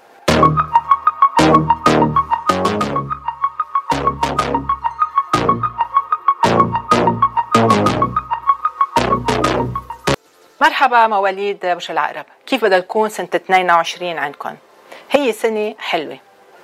في عدة تطورات وأحداث فلكية عند مواليد برج العقرب أو بسنة مواليد برج العقرب لكن رح أبدأ بالأشياء الحلوة عندكم سنة 22 يوجد تأثيرات حلوة كتير من كوكب المشتري.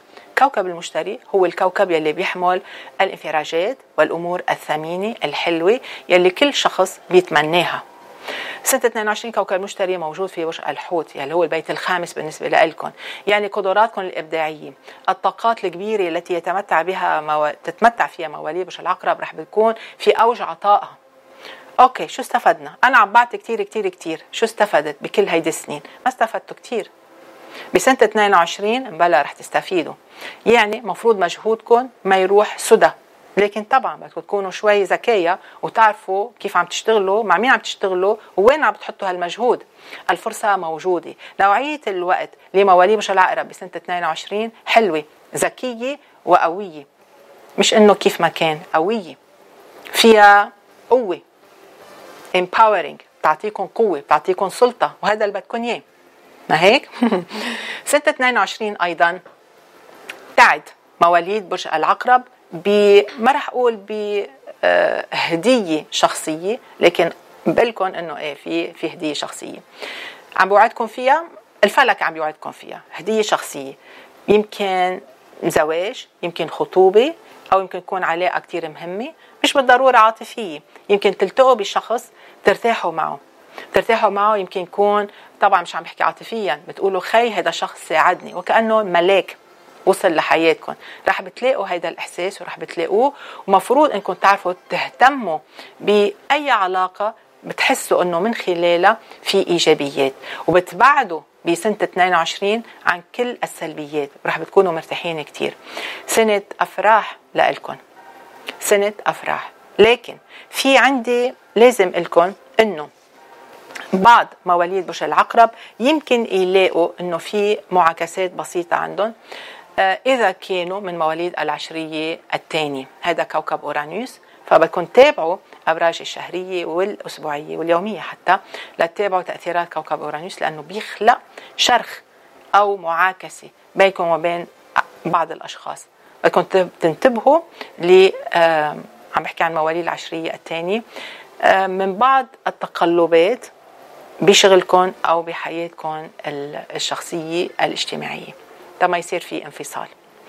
في عنا كسوف للشمس ب 25 أكتوبر يعني ببرجكم يلي قريبين لهيدا الكسوف يعني 23 24 25 26 27 بدهم ينتبهوا على استقرارهم بشكل خاص المهني والصحي. لحتى ما يصير في عندهم آه كمان نوع من ظروف صعبة. حضروا حالكم قووا حالكم ما تعرضوا شغلكم وأعمالكم للمجازفات. كلها على بعضها سنة حلوة كتير.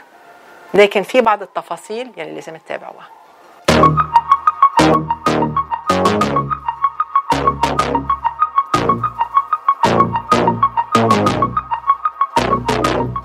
مرحبا مواليد برج القوس. كيف بدها تكون سنة 22 سنة 2022 سنة حلوة. ليه؟ لأنه الكوكب الجبار كوكب الحظ المشتري رح بيكون ببرج ناري. صديق لبرجكم ينسجم مع طاقة برجكم هو برج الحمل. بين 10 أيار و 25 أكتوبر رح بيكون موجود ورح يعطيكم كل الطاقات. تحديدا هو رح بيكون من 10 أيار مايو ل 28 أكتوبر. عم بعطيكم الوقت المحدد.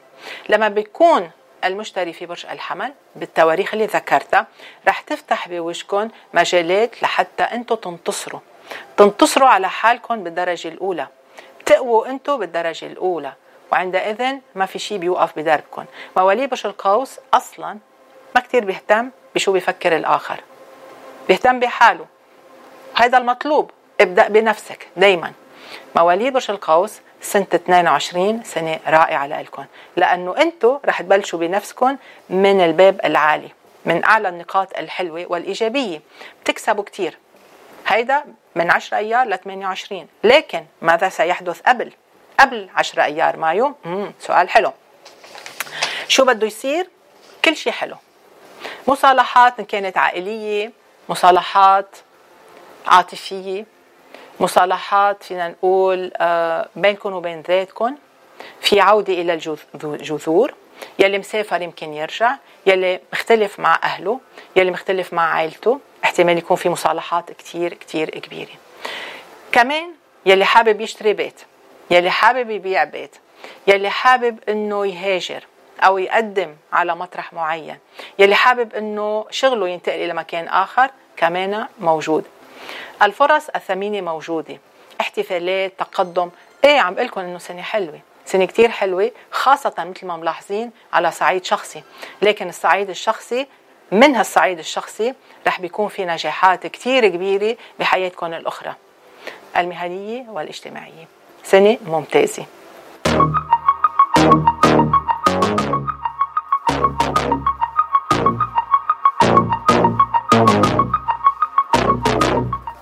مرحبا مواليد برج الجدي كيف بدها تكون سنة 2022 سنة 2022 هي سنة جيدة لكم فيها طاقات كتير كتير كبيرة. بتغنيكم بتقويكم طاقات الفكرية طاقات الجسدية. ما حدا بيقدر ينافسكم أنتم الأقوى. أصلا. الكل بيعرف إنه مواليد برج الجدي وين ما كانوا بأي عمل بأي موقع هن الأقوى في المنافسة. ويمكن يكونوا دائما دائما هن اللي بيربحوا. يعني عندهم حب للمنافسة ما بيتعبوا. وكأنهم خلقوا للعمل وللجهاد لكن بيوصلوا. سنة 22 بتوصلكم لأنه طاقاتكم مهمة جدا قوية جدا منطقية جدا وفعالة جدا. كل عمل بتاخدوه كل واجب ومسؤولية بتاخدوها بغض النظر عن عمركم بتنجحوا فيها. كنتوا طلاب كنتوا متزوجين عاطلين على العمل أو بتشتغلوا بتتوفقوا فيها. من أول شهر لشهر نيسان أبريل هي فترة ممتازة جدا. ما حدا بيقوى عليكم ما حدا بيقدر عليكم بين شهر أيار مايو وآخر أكتوبر تتجه هالطاقات نحو يمكن منحى ما رح أقول شخصي لكن نحو أمور شخصية. وكأن هيدي السنة بالنسبة لكم مقسومة إلى قسمين. ننجح بعملنا لكن في جزء آخر حيخلينا ننتصر أيضا بحياتنا الشخصية. رح تتغير رح تتنور رح تزيد قوة. وبهجة سواء من جو الزواج أو احتفال ببيبي بالبيت أو يمكن مصالحة عائلية أو يمكن هجرة أو عودة من هجرة أو يمكن تشتروا أرض أو تبيعوا شيء أو ترجعوا إلى جذوركم في أمور كتير كتير مهمة لإلكم بكل سنة 2022 لكن لابد من ذكر تأثيرات كوكب بلوتو بهيدي السنة.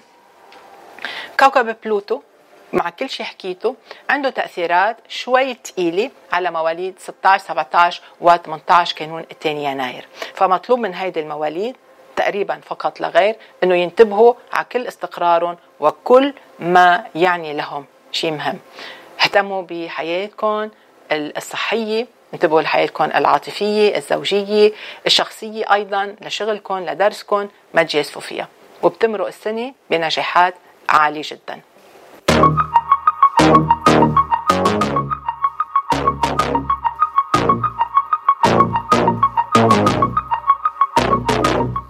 مرحبا مواليد برج الدلو. كيف بدها تكون سنة 22 بدكم تعرفوا كيف بدها تكون سنة 22 سنة كتير حلوة. هلأ بيني وبينكم سنة ال 21 كانت رائعة لمواليد برج الدلو لأنه كان في عندهم كوكب المشتري ببرجهم دايما دايما دايما. لما الكوكب المشتري بيكون ببرجنا بتكون سنة الحظ.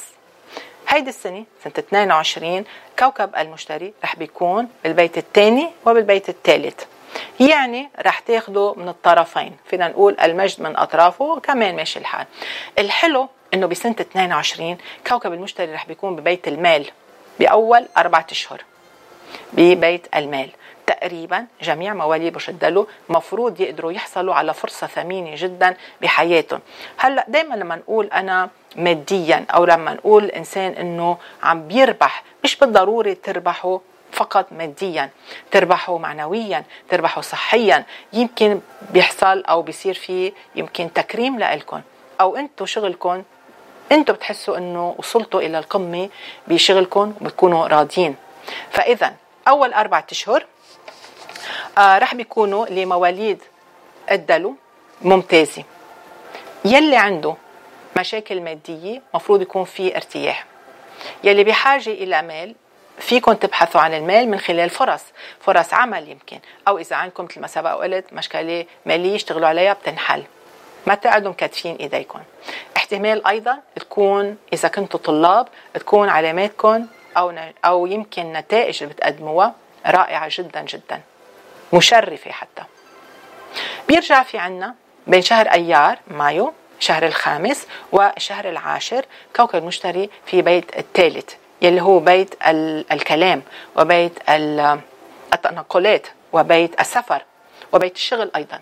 يعني هالخمس هال هال هالأشهر من الخامس للعاشر رح بيكون في عند مواليد برج الدلو نجومية أو صعود إلى النجوميه سريع جدا.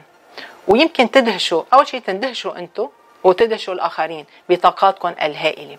من الأشهر الممتازة لحتى أنتم إذا حابين تنتقلوا من مكان إلى آخر من عمل إلى آخر من مدرسة إلى أخرى من تخصص إلى آخر تسافروا تروحوا وتجوا أنتم الأقوى. كتابكم مشروعكم عم تشتغلوا عليه حلمكم كله بيتحقق. من الأشهر الممتازة عند جميع مواليد برج الدلو لحتى ينتصروا على خجل عندهم إياه أو خوف عندهم إياه إنه هن ما بيقدروا بلا بتقدروا. آخر شهرين بيرجعوا بيردوا لكم اعتباركم وبيخليكم تحسوا إنكم حصلتوا وأخذتوا كل شيء أنتم بتريدوه كل مجهود حطيتوه. سنة ممتازة.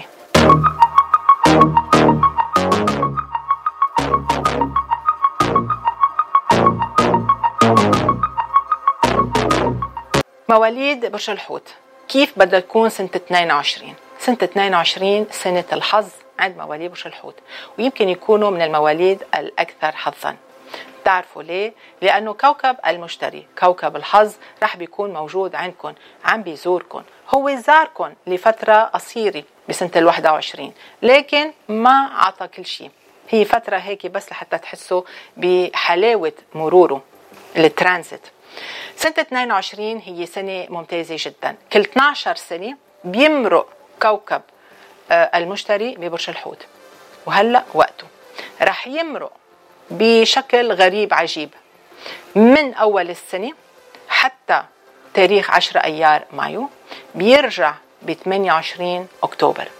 يعني بين واحد وعشرة أيار مايو فرصة ثمينة جدا جدا جدا لا تتكرر لمواليد برج الحوت كلكم كلكم يعني في احتمال احتمال إنه مواليد 18 19 أو حتى 20 آذار مارس يضطروا ينطروا لآخر شهرين بسنة 22 لما المشتري بيرجع لبرجكم بآخر شهرين بنوفمبر وديسمبر.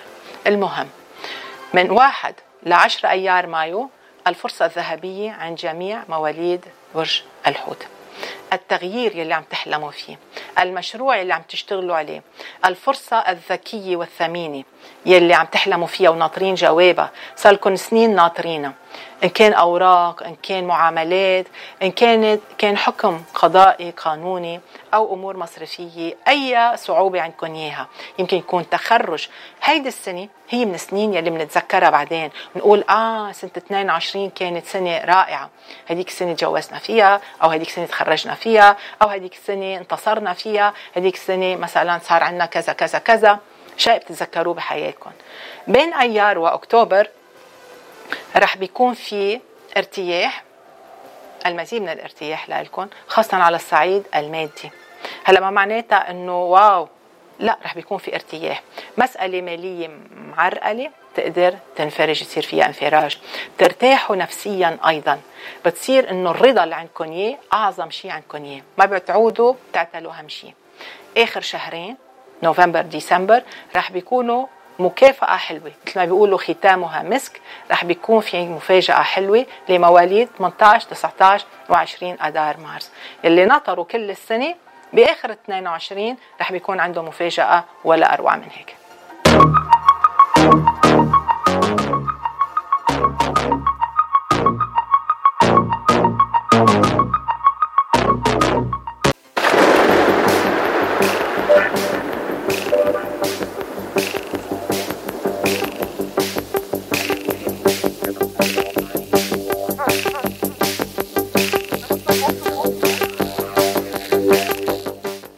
وهيك بنختم فقرة الأبراج لهالأسبوع يلي فيها استعرضنا كل توقعات لكل الأبراج لسنة 2022 مع كارمن شماس.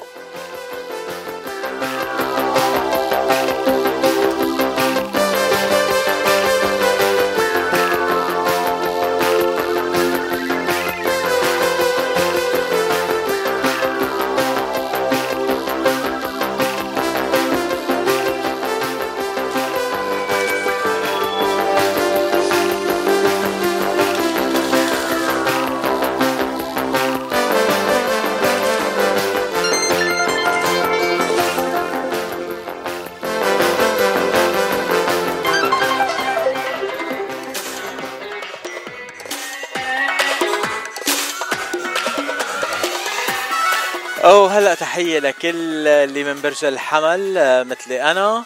تحية لكم من نوال الزغبي.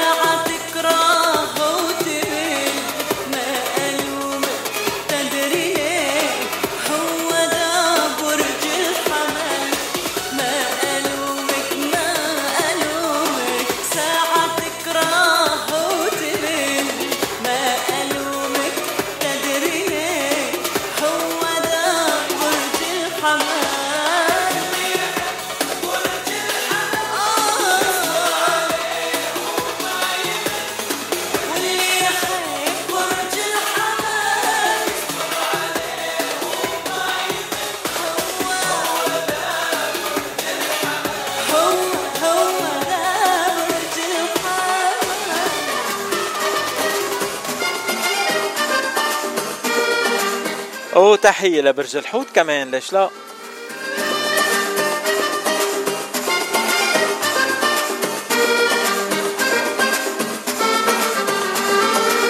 يا اجمل عيون وأحلى عيون صحتي للعاشقين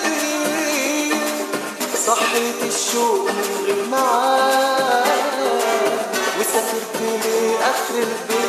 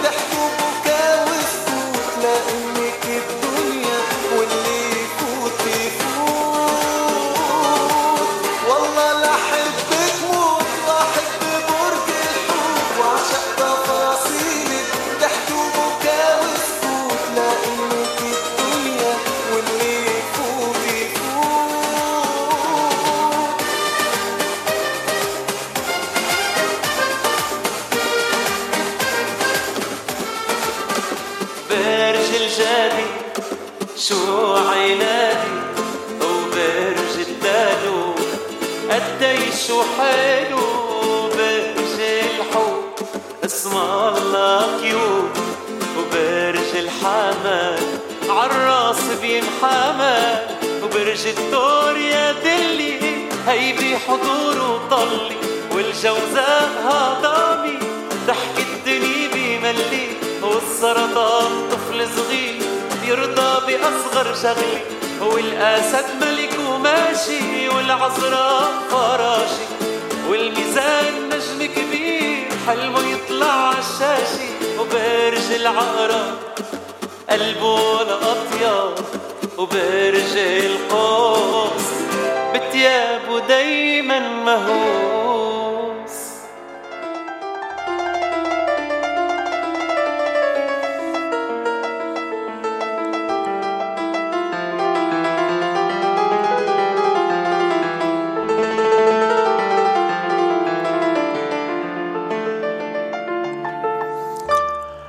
وقبل ما نختم حلقة اليوم من برنامج دردشة الأحد لهالأحد بحب أرجع أذكر المستمعين إنه على صفحة الفيسبوك لإذاعة جبل لبنان وعلى صفحة فيسبوك الخاصة لإلي عندي بوست لأنه عم نجرب نلم مساعدات لصديق للإذاعة. والدته بالمستشفى وهي هن بحاجة لمساعدات بلبنان. المساعدات رح توصل لهم عبر ال GoFundMe page وهون بدي أشكر صديقتنا ريتا حج إنه عم بتساعد تخلينا نستعمل ال GoFundMe page اللي هي محضرته. صفحة عنوانها www.gofundme.com forward slash Lebanon fundraiser. مثل ما عرفتوا إنه بلبنان إذا الشخص راح على المستشفى الدولة ما بتساهم بتغطية المصاريف والمستشفى بلا مصاري ما بتعالج المريض. وحتى لو اللبنانية اللي عندهم مصاري بالبنوك ما فيهم يوصلوا لها ما إلن إلا نحن بالاغتراب تنساعدهم.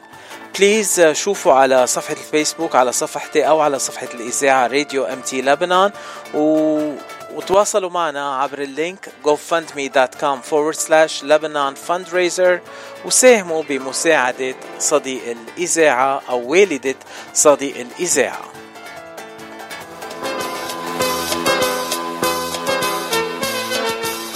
وسنة ورا سنة ورا سنة وإذاعة جبل لبنان بتضل معكم كل السنة لا لا لا لا لا لا لا لا لا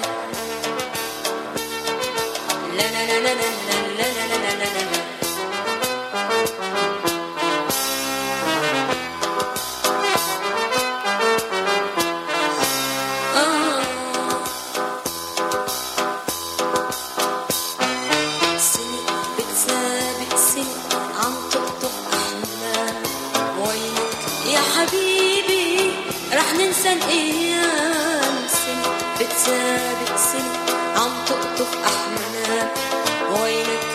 حبيبي رح ننسى الأيام.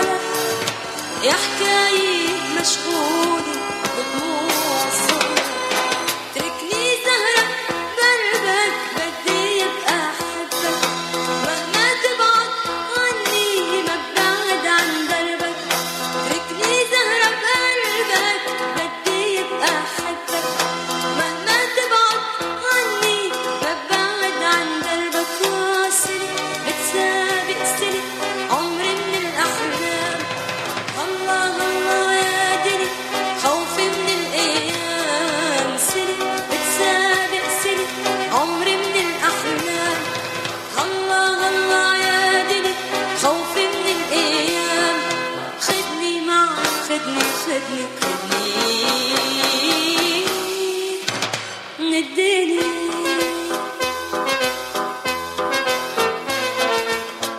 أو هيك منوصل لختام حلقة اليوم من دردشة الأحد. كان معكم صديقكم فاتشي لحلقة اليوم وأحلى ضيفة كان معنا برناديت حديب من لبنان. وسمعنا الأبراج لكل السنة لل 2022 من كارمن شماس. وكمان سمعتوا بعد التوقعات من ميشيل حايك بإذن خاص من ميشيل حايك شخصيا. وهلا رح نختم الحلقة مع زياد برجي ومايا دياب وغنية تخسرنا بعد. على أمل ما تخسروا اللي بتحبون وتضلوا مع اللي بتحبون على طول.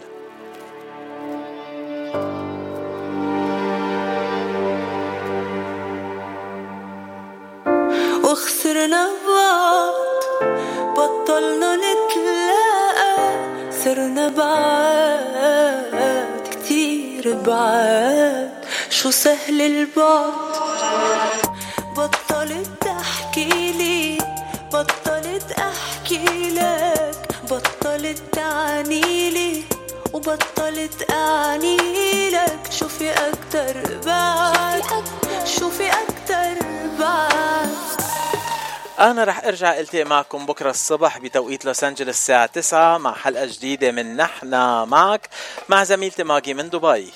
أو على أمل إنه عبير ترجع تنضم لنا بدردشة الأحد الجاية. بتمنى لكم أطيب الأوقات عبر إذاعة جبل لبنان من لوس أنجلوس. بطلنا نتلاقى صرنا بعاد كتير بعاد. شو سهل البعد بطلت تحكي لي بطلت احكي بطلت تعني لي وبطلت تعني لك شوفي أكتر بعد. شوفي أكتر.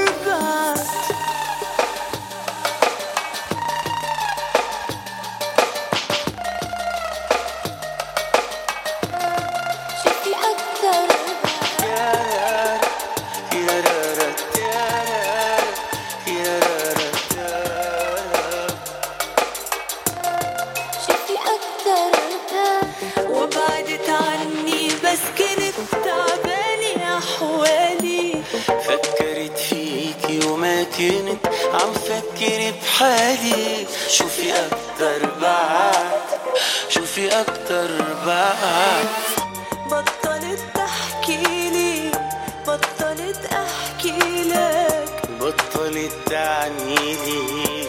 بطلت أعني لك. شوفي أكتر بعد. شوفي أكتر بعد.